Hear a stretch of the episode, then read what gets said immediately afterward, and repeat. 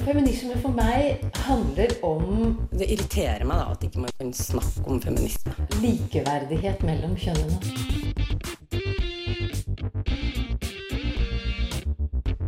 Det blikket på kvinnen på film. handlet det om å bli tatt på alvor som jente. Du hører på Et eget rom på Radio Nova. Den som er gitt fire ganger, har vært smartere enn den som har vært samboer med samme person gjennom hele livet. Kunne man nylig lese i en kronikk i Aftenposten. Hva er det med dette ekteskapet som gjør et samboerskap mindre smart?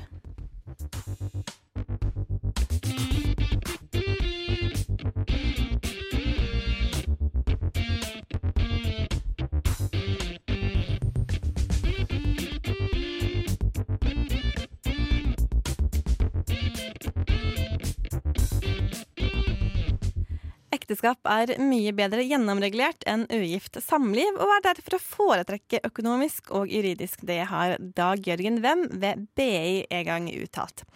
Agnes Bergo, som er økonomiekspert, hun har dermed påpekt at det finnes ikke noe fasitsvar på hva som lønner seg, men at det finnes forskjeller både mens man bor sammen, når samlivet tar slutt, og dersom den ene partneren dør. Og i denne utgaven av Et eget rom så skal vi snakke om disse tingene om ekteskap og samboerskap og ikke minst om økonomi.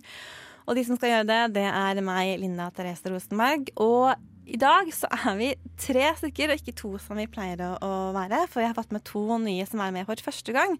Og da tenkte jeg at dere kunne introdusere det, dere selv. Så hvis vi starter eh, hos deg, som er rett ovenfor eh, meg. Ja, hei. Jeg er Siri, og jeg er veldig spent på å snakke i radio for første gang i dag. Veldig hyggelig. Velkommen. Takk, takk. Og på min høyre side så har vi Anita, hei. Hallo, hei, Anita. Jeg er jo helt splitter ny. Aldri gjort det her eh, før. Har ingen erfaring med radio, men masse erfaring med prating. Så dette blir gøy. Det høres veldig bra ut. Eh, veldig spent. Eh, Jeg har lært helt eh, vanvittig mye den siste uken. Jeg kunne ingenting eh, for en uke siden. Hva med dere? Nei, ingenting. Bra. Da har vi noe å se frem til. Si et rungende ja til ekteskapsloven. Det skrev advokat Tore Tallau i en kronikk i, tidligere i år, i august. Eh, og vi skal foregripe og få en forsmak på noen av tingene vi skal snakke om den neste timen, ved å sparke i gang sendingen med å høre litt om hva det er advokat Tallau mente med disse ordene. Ikke helt gira på hvit kjole, slør i håret, ring eller taler. Kanskje er du bare ikke av den romantiske typen. Eller så tenker du kanskje jeg har faktisk bedre ting å bruke pengene mine på. Hvorfor bruke masse penger på et bryllup når man kan kjøpe seg bolig eller bil, eller reise på en dyr og lang, fin ferie? Ifølge Tore Tallau så kan det likevel være greit å si et lite ja til mannen eller kvinnen du har valgt å leve livet sammen med. For et ekteskap er kanskje først og fremst et avtaleverk som man sier ja til. Poenget hans er i utgangspunktet ganske enkelt. For ektefeller så finnes en hel rekke med bestemmelser som er nedfelt i lover. Det er rett og slett en avtaleordning med ferdige løsninger. Som samboere, derimot, så er man like lite juridisk sammenvevd som to studenter i et kollektiv. Oh shit. Man kan selvfølgelig lage avtaler seg imellom, som f.eks. en samboeravtale og et testamente. Men i utgangspunktet så er det altså slik at ekteskap har en hel rekke rettigheter og plikter som er regulert i ekteskapsloven. Mens eh, samboerskap er et samliv regulert med langt færre regler. Men så er det kanskje fremdeles litt lett å tenke. Dersom samboere kan lage avtaler seg imellom, hva er egentlig den store forskjellen? Her er én sentral ting. Lovverket er gjennomsyret av bestemmelser som tilgodeser ekteskapet fremfor andre samlivsformer. Bl.a. når det gjelder økonomiske rettigheter. Det lønner seg dermed å være gift fremdeles i dag. På mange måter så kan man si at lovverket ikke har fulgt samfunnsutviklingen når det gjelder rettigheter og regelverk rundt det å være gift kontra å være samboer. Slik at Tallaus poeng blir egentlig klinkende klart. Du trenger ikke gifte deg av romantiske grunner, men du bør gjøre det av rent økonomiske og juridiske årsaker. Og du trenger ikke engang en brudekjole.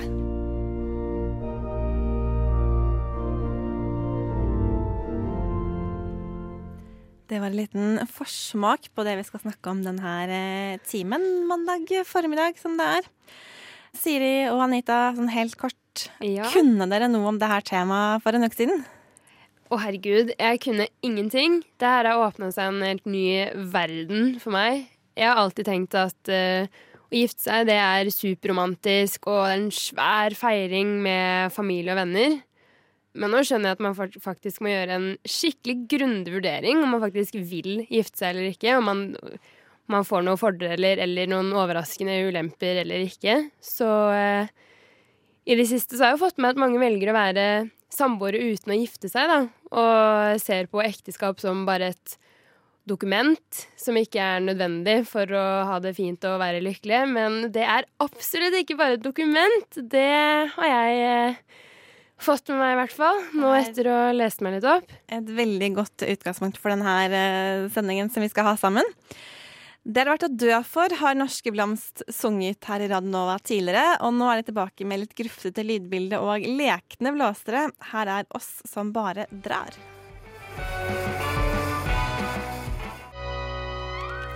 Det norske bandet Blomst har du det her. I Radio Nova, du hører på et eget rom med Siri, Anita og Linda, som snakker om ekteskap og samboerskap og økonomi og juss. Og vi kan ingenting, men vi kan det likevel, for vi har lest oss opp godt den siste uken. For å gi deg som hører på litt eh, fakta å ta med seg i hverdagen. Vi må starte litt med noen tall, fordi 20% av befolkningen, eller sånn stort sett, én av fem, noen ganger én av fire, det varierer litt fra år til år, og hvilke aldersgrupper man inkluderer. Men så mange er altså samboer av de som bor sammen med andre, og ikke i et ekteskap. Og så er det jo slik, kanskje ikke så overraskende, at hvis man er litt sånn ung, så er det flere som er samboere, og jo eldre man blir, jo flere gifter seg. Ja. Det kan man kanskje kjenne seg igjen Ja. i. Ja, Det er kanskje ikke så uvanlig. Det er vel en ganske naturlig utvikling. det. Man er vel ikke klar til å gifte seg med en gang. Å nei, herregud. Det, jeg tror det er ganske vanlig. Så, men så har man jo også sett at det er flere og flere som velger å ikke gifte seg, selv om de blir eldre. Så er det en sånn økende trend at flere og flere blir eh, samboere, eller forblir samboere. Og så fant jeg en artikkel som er eh, snart to år gammel, eh, men som gir noen tall. Og det er at kun hvert fjerde samboerpar de har en samboeravtale. Og det er litt viktig, for det skal vi snakke om utover sendingen opptil flere ganger. Eh, I tillegg så har det vært flere samboerundersøkelser. Og av de som sier at de ikke har en sånn avtale som regulerer sånn hvem eier hva, hva skjer når vi ikke vil bo sammen lenger, så er det 41 som sier at de har planer om å lage en sånn avtale. Men det er bare 13% som faktisk gjør det med en gang de flytter sammen. Da. Så det er jo ganske store sprik her. Oh, ja. Ja. Eh, og så viser da undersøkelser at de som er samboere Det er ganske mange, det er ca. 25% som tror at samboere og gifte de har de samme rettigheter. Rettighetene Oi, unnskyld. Eh, når man eh, slår opp. Det har vi funnet ut at det har man jo ikke i det hele tatt. Absolutt ikke. Nei, jeg tror dette er informasjon som eh, mange ikke har, rett og slett. Sånn som vi snakket om i stad, at ingen av oss visste noe om dette her før, for en uke siden, da vi, før vi begynte å lese oss opp, da. Nei, nei. Eh, en annen ting, det her visste jeg faktisk selv, men altså jeg synes er det er litt overraskende tall. Men tre av ti samboere, de vet ikke at de ikke arver hverandre automatisk når den ene dør. nei. For det gjør man jo når man er gift. Ja, sant. Så jeg, trodde, jeg syns det er veldig overraskende høyt, men kanskje det er når man tenker at hvis man har bodd sammen i 50 år, så selvfølgelig skal den ene arve den andre når partneren dør. ja, Ja, det tenker jeg jo. Det tenkte du òg? Ja, det er kanskje naturlig når man har bodd sammen lenge. Man, det blir jo litt sånn lik linje, tenker man kanskje, da, når man, når man er gift eller samboer hvis man har vært sammen i 50 år. så har man på en måte vært sammen i 50 år. Så det er jo det som høres mest naturlig ut, da. Eller som jeg hadde tenkt at selvfølgelig er det naturlig. Vært sammen i 50 år, så klart skal de arve hverandre. Men eh, nei, det er mye vi ikke vet. Så eh, jeg skjønner jo at det her er informasjon ikke alle sitter på. Jeg ante jo ikke det. Det er ganske komplisert eh, felt på mange måter. Vi skal i løpet av denne timen snakke mye om økonomi. For det er altså slik at kun 13% av samboere de har skrevet testamente. Og hvis man ikke har felles barn, så har man heller ingen arverett. Så smak litt eh, på den, dere som hører på og tenker at hm, er det virkelig sånn det er? Eh, en annen ting som vi også må snakke litt om, dette er dette med bolig. Fra de som er gift, så er det 78% som eier boligen sammen. Men av de som er samboere, så er det bare 53% som eier bolig sammen. Så nesten halvparten av de som er bare samboer, det er bare den ene parten som eier boligen man bor i. Ja, og da kan det bli litt problemer hvis det skjer et brudd. Hva gjør man med boligen? Hva gjør man med boligen? Ja. Det er kompliserte saker. Her må man vel skrive en avtale på det, da. Det- Nå har vi fått litt sånn eh, grunnlag. Er dere klare, Siri og Anita, til å liksom eh, bore litt dypere ned i disse tingene? Ja, Da har vi Kjør hjemme. på. Ja. Jep. Eh, men fra statistikk og tall om samboerskap så skal vi en liten omvei. Vi skal til en vennegjeng fra Bergen. Her er Shuffle Baby.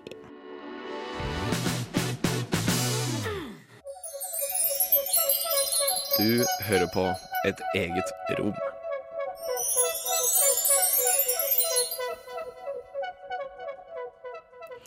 På Radio Nova, altså. Og det er Anita, Siri og Linda som eh, snakker og holder med selskap akkurat nå om tema temaet ekteskap og samboerskap. Og Anita, vi må Ja. snakke litt om økonomi og økonomiske fordeler. Eh, eller forskjeller, egentlig. Eh, for det her har du fått i oppgave å se litt på denne uken. yes, det har jeg. Ekteskap og økonomi, folkens. Nå må jeg holde tunga rett i munnen her. Ekte, altså Ektefellers formue lignes jo alltid da under ett. Eh, og når det gjelder alminnelig inntekt og personinntekt, så kan jo da eh, to som er gift, eh, selv velge om de vil ligne sammen i skatteklasse 2 eller hver for seg i skatteklasse 1. Eh, fordelen da med skatteklasse 2 er annet om eh, den ene ektefellen har inntekt og jobber. Og en typisk situasjon kan jo være at den ene er student og ikke har en god eller fast inntekt, og den andre er yrkesaktiv og er i full jobb. Eh, Da kan personen som jobber og har inntekt, få utnyttet personfradraget til den som er student da, og ikke har den inntekten. Og det betyr at man skatter mindre, ikke sant? Nettopp. Ja. Og eh, litt videre på det, da, at personfradraget i klasse 1 for inntektsåret 2016 er f.eks.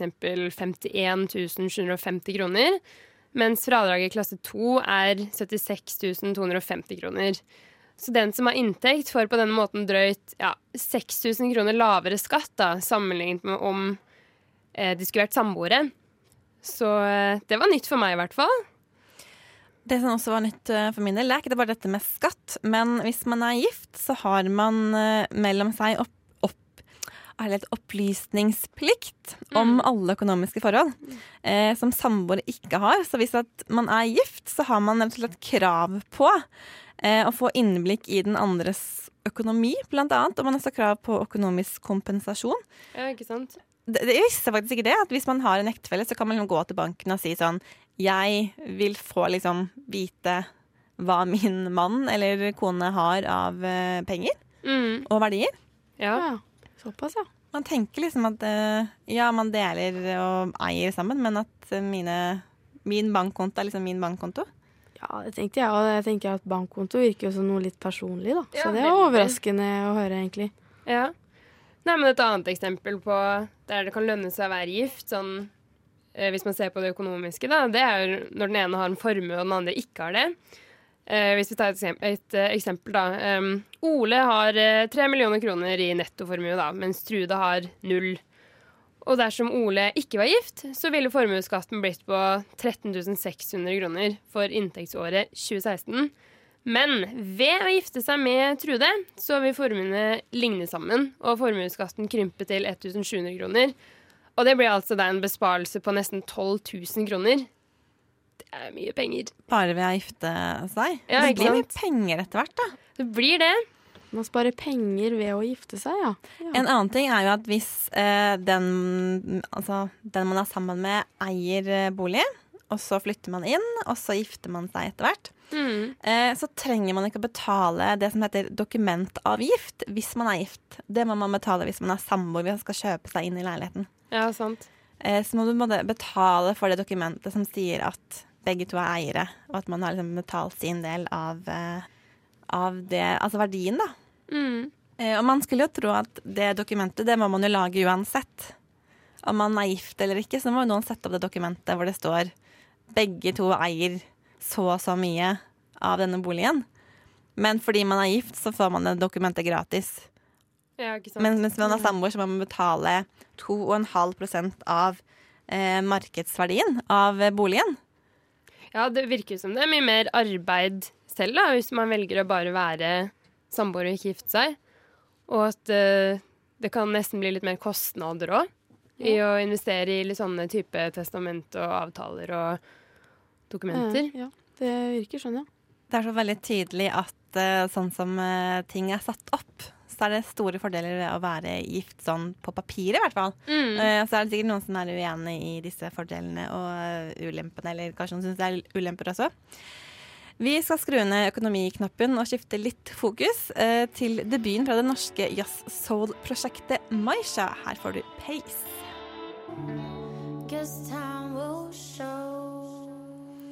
Masha med Pace hørte du her på Radio Nova. En vesentlig ting vi ikke har snakket om i et eget rom i dag, det knytter seg til normer, regler og samfunnsstrukturer. For ekteskapet, det er jo ikke akkurat noe nytt, mens samboerskapet, det er noe litt mer moderne og nymotens. Og vi skal høre Andrea Berg fortelle litt om historien til dette samboerskapet. Visste du at det helt frem til i 1972 var ulovlig å være samboer i Norge? Det var pga. paragraf 379, konkubinatparagrafen, som gjorde det ulovlig å leve sammen på noen annen måte enn som ektefolk. I 1972 ble denne paragrafen opphevet, og det ble altså lovlig å bo sammen uten å være gift. Dette var i stor grad takket være en holdningsendring i den yngre befolkningen under og i etterkant av ungdomsopprørene i 1968. Hippiebevegelsen åpnet måten enkelte tenkte rundt samliv, og ga andre mot til å leve åpent som samboere, som tidligere hadde vært såkalte papirløse ektefolk. Andre igjen valgte bort ekteskapet i ren protest, ettersom dette var tidsalderen for nettopp det. Den eldre generasjonen derimot var skeptisk. Vi anser ekteskapet for den eneste tilfredsstillende form for samliv mellom mann og kvinne. Vi vil ikke ha bort ekteskapet, sa nesten alle de middelaldrende mennesker som ble intervjuet i programserien Midtveis i livet i april 1968. Debatten om samboerskap fremsto for mange som en kamp mellom et samfunn der folk gifter seg, og et hvor de ikke gifter seg. Og ikke som en debatt for friheten til å ta dette valget selv, på individuell basis. Andre som var motstandere av å avskaffe paragraf 379, argumenterte for at å åpne opp for samboerskap ville undergrave ekteskapsinstitusjonen og skape kaos i samlivet og i barndommen til kommende generasjoner. Og det har de på mange måter fått rett i.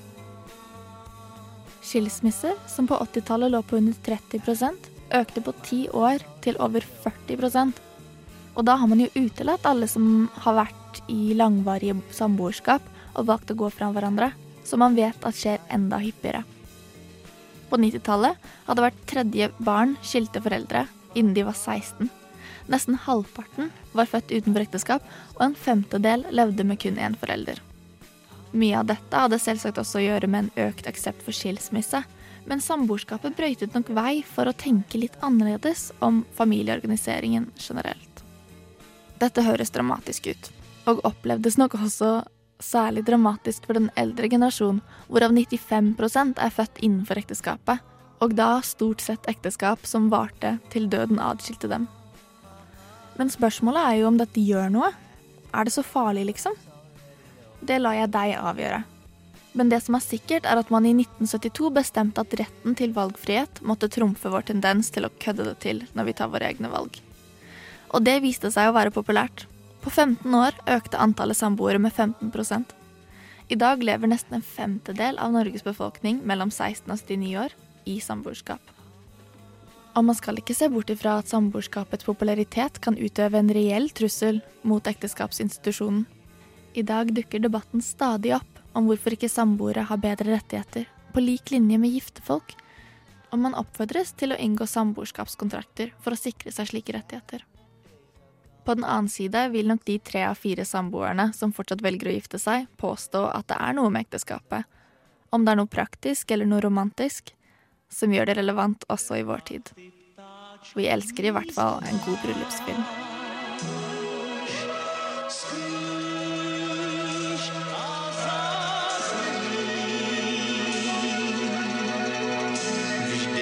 Ještě léčky málo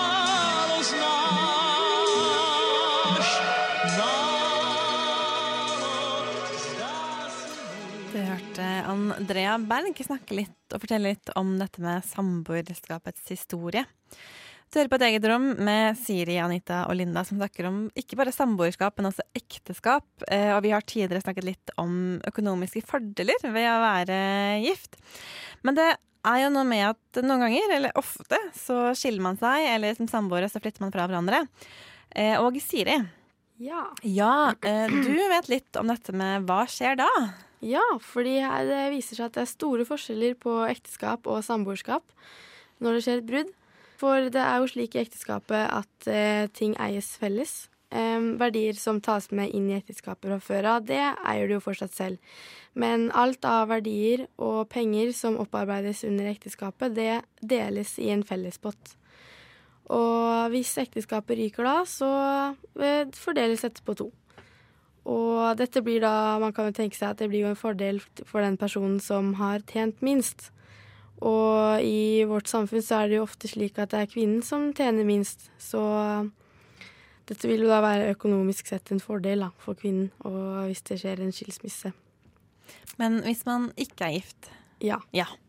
Ja, da er det noe helt annet. Ja, ikke sant? Eh, For eh, i samboerskap så anses man som to økonomisk selvstendige individer. Og de verdiene du tar med inn og tjener under forholdet, de kan du også like lett ta med ut når forholdet ryker. Og hvis den ene parten da eh, tjener mye mindre og har da eh, støttet seg godt på samboeren sin i kanskje fem år, da, så sliter kanskje personen når eh, samboerskapet ryker. Og dette kan da ofte være kvinnen, da, som eh, ofte tjener mindre, som sliter med å stå på egne bein når, eh, hvis det skjer noe i forholdet, da. Det er det uttrykket 'å gifte seg rik' eh, kommer fra. Det er jo litt uh, Absolutt. interessant. Jeg kunne jo ikke så mye om det. Ja. Men, men uh, nå må jeg stille kanskje et litt dumt spørsmål. Er det forskjell på om man har barn eller ikke? Ja, det Ja. er nemlig en forskjell der. Hvis man har vært samboere i over to år eller har felles barn, så står det i noe som kalles husstandsfellesskapsloven at eh, samboeren har rett til å overta den andres bolig hvis eh, det skjer et brudd. Og dette kan, jo være, dette kan jo være en fordel for mange, fordi uten eh, denne situasjonen her, så kan faktisk den ene samboeren stå igjen uten bolig. Fullstendig krise, da. Det er litt krise. Ja. Men eh, ja. Er det noe mer forskjeller om man er gift eller om man er bare er samboer? Ja, det er også forskjeller på arverett hvis det skulle skje et dødsfall. Eh, For i et ekteskap så har man jo automatisk eh, arverett. Man vil eh, ifølge loven arve et beløp som kalles 6G, som er da seks ganger grunnbeløpet. Og per dags dato så ligger dette på ca. 580 000 kroner. Dette er da hvis det ekteskapet ikke hadde barn. Men i et samboerskap så har man ingen arverett, og kan også i denne situasjonen bli stående uten noen ting, med mindre man da på forhånd eh, setter opp et testament, da. Men dette er det kanskje ikke alle som tenker på, da. Men, Så det er helt uh, vesentlig at man har et uh, testamente. Ja. Vi kan jo legge til da, dette med særeie. Det kan man jo ha hvis man gifter seg. At um, Ja. de, de tingene her de er det bare jeg som eier. For det er jo veldig ofte sånn. eh, kanskje ikke så mye nå, men særlig før. Men jeg tror det fremdeles er ofte sånn at det er kvinnen som flytter inn hos mannen. Ja. Eh, veldig ofte fordi mannen er litt eldre, og veldig ofte fordi mannen tjener litt mer og kanskje har rukket å etablere seg tidligere. Mm. Eh, og hvis da mannen har særeie på eh, sin bolig, Ja. og begge bidrar til oppussing, så sitter jo kvinnen igjen med null hvis de skiller seg, fordi da er det mannen som, som sitter med både boligen og da den ekstra verdien. Det er surt. det er surt, Men det er også et veldig godt bilde på hva som skjer hvis man er samboer. Mm. Eh, og det er mannen som eier boligen, og ikke kvinnen. Så det er akkurat samme greie, med at da heter det ikke særavtale. Det heter jo bare at man er samboer. Ja, Mm. godt poeng. Eh, og det tror jeg er ganske få. Jeg visste ikke eh, om det her eh, på forhånd. Jeg visste jo dette med særavtale, at hvis særavtalen er at mannen eier boligen, så selvfølgelig skal han liksom få de verdiene. Ja, ikke sant. Men jeg ville fremdeles trodd at hvis jeg hadde spyttet inn 500 000 til oppussing, så skulle jeg fått tilbake de 500 000 ekstra verdier som boligen da hadde liksom steget med. Det virker jo helt naturlig Ja, å tenke, i hvert fall. Ja, Det skulle være logisk, det. Veldig sure penger. Ja, veldig sure penger. Eh, vi skal snakke litt mer om dette forskjeller mellom eh, kvinner og menn, og hvorfor eh, kvinner kommer liksom dårlig ut av eh, samboerskap. Nå har vi liksom kommet innom det flere ganger.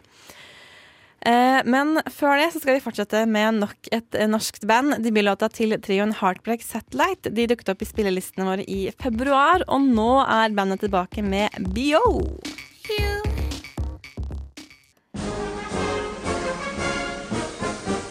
Tenk.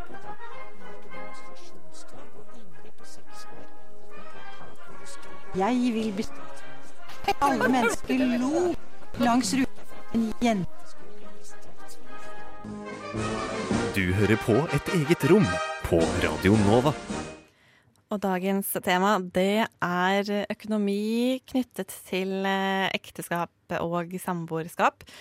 For nå har vi hørt litt om eh, fordeler ved å være gift, og vi har hørt litt om hva som skjer hvis man er gift eller samboer og man eh, gjør det slutt i et forhold. Og da står vi igjen med kvinnen og hvorfor er det dårligere for kvinnen, eller er det det? Jeg vil kanskje si at det er dårligere for kvinnen å være i samboerskap som, eh, som eh, slutter, enn i et ekteskap. Ja. Mm. Høres jo sånn ut. Det høres uh, veldig sånn ut. Og det er eh, Vi har jo nevnt da at uh, dette med at kvinner tjener ofte mindre enn det menn gjør, og derfor så er det en fordel når hvis man skiller seg, at potten deles likt. Kort så kan man si at det, det lønner seg for kvinner å være gift, og så lønner det seg for menn å være samboere. Ja. Sånn eh, rent økonomisk. Eh, Men det er litt andre såkalte feller da, som man kan eh, gå i hvis man er samboer. Ja. Det ene er den såkalte sparefellen. Eh, og det er at menn ikke bare tjener de oftere mer, men de er også flinkere til å spare. Eh, de er flinkere til å bruke penger på liksom varige verdier. Mm. Eh, og så er de tøffere, så de tør oftere å spare i fond og aksjer, som ofte gir mer igjen enn hvis man sparer i banken. Ja, ikke sant. ikke sant. Mens kvinner de eh, tjener mindre, de sparer mindre, og de bruker mer penger på mer sånn husholdningsting. Mm. Sånn at hvis man da er i et samboerskap, så på en måte forsvinner kvinnens pengeverdier. Eh, altså hun får veldig dårlig, kommer dårlig ut av det etterpå enn det mannen gjør, som da har brukt ting som har en reell verdi over lengre tid. Da. Ikke bare sånn eh, ja, husholdningsartikler. Mm. En annen ting er jo den såkalte leiefellen, hvor én har bolig, og så flytter den andre inn, veldig ofte kvinnen. Og så betaler hun på en måte husleie til mannen, og tenker at det er jo helt fint. Man deler på utgiftene. Men, da vil jo hun på. Ja, pass på. Det. Kan ikke du forklare det her, eller vil du Du fikk en sånn derre sånn derre Hæ, er det mulig? Da, vi, da jeg forklarte det her for deg eh, før ja, sendingen. det har åpna seg en helt ny verden av info jeg ikke hadde peiling på. Eh, nei, altså det som er, er at da betaler man jo ned på mannens lån. Mm. eh, slik Ja. at hans eh, verdi stiger, mens man selv sitter igjen og har kasta penger ut gjennom vinduet. Ja, du gir jo han basically penger rett i lomma, Ja. på en måte, som da ikke blir dine penger lenger. Og det er jo veldig mye penger, da, hvis du skal man bor sammen noen år og Det blir en del penger som eh, ikke da blir dine, og som går rett i lomma. Du hjelper jo gubben å betale ned eh, huset eller leiligheten, og det kjennes jo veldig urettferdig, da. Så tipset her det er selvfølgelig å lage en avtale om at eh, jo mer du har betalt i husleie til eh, mannen, eller den andre, i hvert fall partneren, eh, jo mer eier du av leiligheten. Ja, Ja. det hørtes Mm, rimelig ut. Man betaler seg rett sånn gradvis inn i leiligheten. Ja. Eh, En annen ting er at eh, veldig ofte så er det kvinnen som selger, hvis man har hver sin bolig, selger sin bolig til mannen fordi han oftere eh, fordi tjener mer og kanskje er litt eldre og har litt mer penger, har en større bolig. Og jeg vet ikke om det er så veldig vanlig, men det som kan skje, er at man ikke tenker over hva man bruker de ekstra pengene til Ja, ikke sant? når kvinna har solgt sin bolig. For det er litt lett at man bare bruker det på ting man trenger, ting man har lyst på. Kanskje setter hun liksom bidrar til noen ekstra verdier i, i den som da er fellesboligen. Og plutselig så gjør man det slutt, og så har man ikke helt oversikt over hva ble egentlig de pengene brukt til, og så er de på en måte borte. Fordi Ja. man ikke har dokumentert det underveis. Eller fordi man har brukt det litt sånn ufornuftig i gåsehøyne. Ja. Jeg har ikke investert i noe Ja. ordentlig, liksom. Så det er et annet tips. Eh, dokumenter hva du, på hva du bruker disse midlene til. Eh, bruker du så mye penger på ferie, f.eks., som går til hele familien, så dokumenter det, at det er fra din, eh, din salg av leilighet. Eller ikke selg leiligheten din. Lei den heller ut til noen andre, for da eh, har du en leilighet, og du har egenkapital hvis det blir et brudd. Ja, for det har jeg lagt merke til at veldig mange gjør. At istedenfor å Eller når et par flytter sammen, da, at de heller leier ut leiligheten de tidligere har bodd i. Og det syns jo jeg høres veldig lurt ut, og det viser seg jo nå at det også er veldig, veldig lurt. Veldig, veldig, veldig lurt. Jeg måtte bare drikke litt. Jeg har litt vondt i halsen. Beklager at jeg var litt uh, fjern. Ja, men det er jo litt sånn eh, ja, Jeg vet ikke om jeg hadde tenkt den tanken. Hvis jeg skulle flytte inn til noen andre og hadde en egen bolig, sånn Kanskje jeg bare skal leie den ut. Nei, det er jo ikke alle som liksom, Det er ikke en automatisk tanke, det nødvendigvis, selv om det er fornuftig. Man, altså, det er jo veldig lett når man flytter sammen og tenker at det blir koselig, nå er vi samboere. Man tenker jo ikke på Hm, men eh, det blir jo slutt en dag, kanskje, og hva gjør man da, og hva skjer da, og bolig og penger og, og sånn. Men eh, det er jo kjempelurt å gjøre seg opp noen tanker og eh, ta en prat og sjekke at man er på samme bølgelengde og, og lage noen avtaler seg imellom, da. Det er jo kjempelurt, viser det seg Å være. nå. Ja. Ja. ja og da, det man kaller det her, det er jo da en samboeravtale, hvis man Mm, ikke er gift. Og det høres jo veldig formelt ut eh, med en samboerkontrakt eller avtale, men ifølge forbrukerøkonom Sissel Jørgensen i DNB så behøver det ikke å være så komplisert. Og det er litt greit å tenke på for oss unge kvinner som syns at det her er utrolig komplisert og vanskelig. Eh, Så vi har laget en oversikt for å gjøre oss alle litt sånn smartere eh, når det gjelder samboerkontrakt.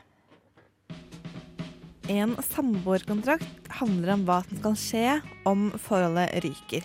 Og skal sørge for at det pågående oppgjøret blir litt mer rettferdig for begge parter ved et brudd. Og tips nummer én lag en kontrakt med en gang dere flytter sammen. Jo lenger man har bodd sammen, jo vanskeligere kan det oppleves å lage en kontrakt. Og det viktigste det er å avklare hvem som eier hva, og hvordan fordelingen skal være ved et brudd.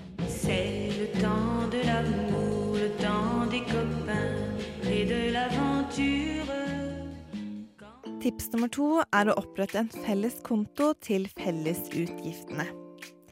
Da er det lettere å skille mellom det dere har felles, og den delen av økonomien som man eier selv. Og dette tipset har noen gode årsaker. Ved samlivsbrudd så er det likedelingsprinsippet som gjelder for de som er gift. Og dette sier at alle verdier som ektefellene har ervervet underveis i ekteskapet, skal deles likt mellom partene. Samboere derimot, de ses som to økonomiske individer. Så penger du sparer eller bruker, det er dine penger når forholdet tar slutt. Likevel så er det mange samboere som har felles økonomi, men ikke felles konto. Og det har faktisk noe å si, fordi kvinner og menn ofte bruker penger litt forskjellig. Menn bruker oftere penger på ting som varer, f.eks. møbler. Og har mannen betalt for sofa, seng og TV, så er det i prinsippet mannen som eier disse tingene ved et brudd. Kvinner bruker oftere penger som forsvinner i hermetegn.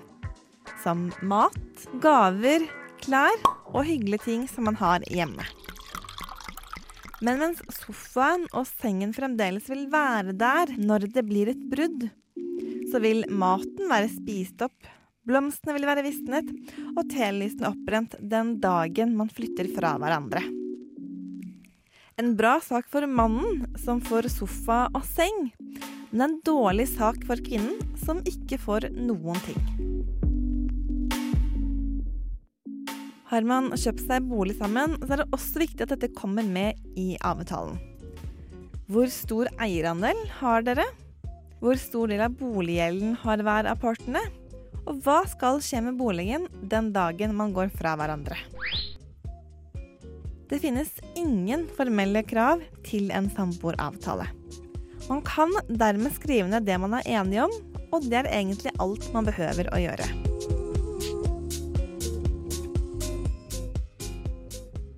En samboeravtale bør oppdateres én gang i året, og må selvsagt underskrives av begge parter. Det kan også være lurt å lage tre kopier. Én til hver av samboerne, og én til en tredjeperson som begge stoler på. En samboeravtale trenger ikke vitneunderskrifter.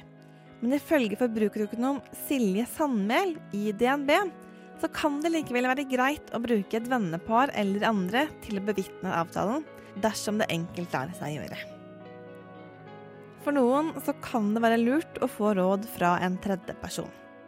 Men slik hjelp trenger ikke å være i form av en advokat. Er man rett og slett bare ung, nyetablert og usikker, så kan en rådgiver i en bank også være til hjelp. Vi har eh, faktisk eh, kommet til eh, slutten. Det vi har glemt å snakke om, det er dette med at Én ting er jo at flere kvinner jobber deltid en eller annen gang i løpet av livet, og det er jo uheldig uansett om man er gift eller samboer, men enda mer sårbart hvis man ikke er gift. Mm. Men også andre faktorer som gjør at kanskje menn har lettere for å bli forfremmet, eller i hvert fall ha en lønnsøkning i arbeidslivet. Fordi eh, det oftere er kvinnen som i større grad gjør noe hjemme, og har mindre overskudd og energi til eh, jobb, som kan gi en forfremmelse. Bare for å påpeke det også. Men eh, Siri og Anita, har Yes. dere Hva har dere lært? Er det noe som har vært overraskende? Ja, veldig. Jeg eh, ble overrasket over hvor mye vanskeligere ting var eh, som samboer. Jeg hadde alltid hatt den innstillinga selv at eh, ja, jeg trenger vel ikke å gifte meg. Hvorfor kan man ikke bare være samboere? Det hadde jeg alltid tenkt, da. Og så begynte vi å lese på dette her, og jeg fikk meg noen aha-opplevelser, da, for å si det sånn. Ja, det, det får en si. Jeg, det har åpna seg en helt ny verden for meg av kunnskap. Jeg har lært meg så masse. Jeg visste ikke at det var så mye styr. Jeg føler meg som et lite barn igjen som ikke har peiling på voksenlivet. Så det var veldig mye nytt for meg, så det var veldig morsomt. Og absolutt noe man trenger å, å vite om. Absolutt. Jeg tror det er altfor mange som vet for lite om dette her, og går i mange feller. Mm. Vi hørte jo helt på starten denne advokaten Tore Talav, som var veldig sånn gå ut og gift dere og si ja til eh, ekteskapskontrakten, og det er bedre å være gift eh, mange ganger enn å være samboere hele livet. Og jeg kan forstå at han sier det, um, men jeg, jeg, jeg føler at jeg er bare enda mer forvirret, både når det gjelder ekteskap og samboerskap etter denne timen. Jeg kjenner jeg blir helt stressa, og jeg er ikke i nærheten av å gifte meg, og jeg bor ikke med noen eh, kjæreste og sånn, så jeg kjenner jeg blir skikkelig huh, Det er mye vurderinger som må tas før både man flytter inn sammen og gifter seg og hele pakka. Ja, det er det. Eh, nå må vi nesten takke for oss. Jeg tenkte vi kunne ta runden hvis vi starter med deg. Hvis du vil si hvem du har vært, eller hvem du er. Hei, jeg er Siri. Ja, Anita heter jeg fortsatt. Linda heter jeg. Tekniker det har vært Helje Svensson, og i tillegg så har vi fått hjelp fra Andrea Berg denne timen. Fra samboer og ekteskap i 2018 til eh, noe helt annet. Jeg tenkte vi kunne hoppe litt tilbake i tid. Fordi eh, danske fastballmenn de ble listet her på Nova i 2013, men fortjener å skinne litt nå også i 2018. Og så synger de på svensk, selv om de er danske. Her er Øver.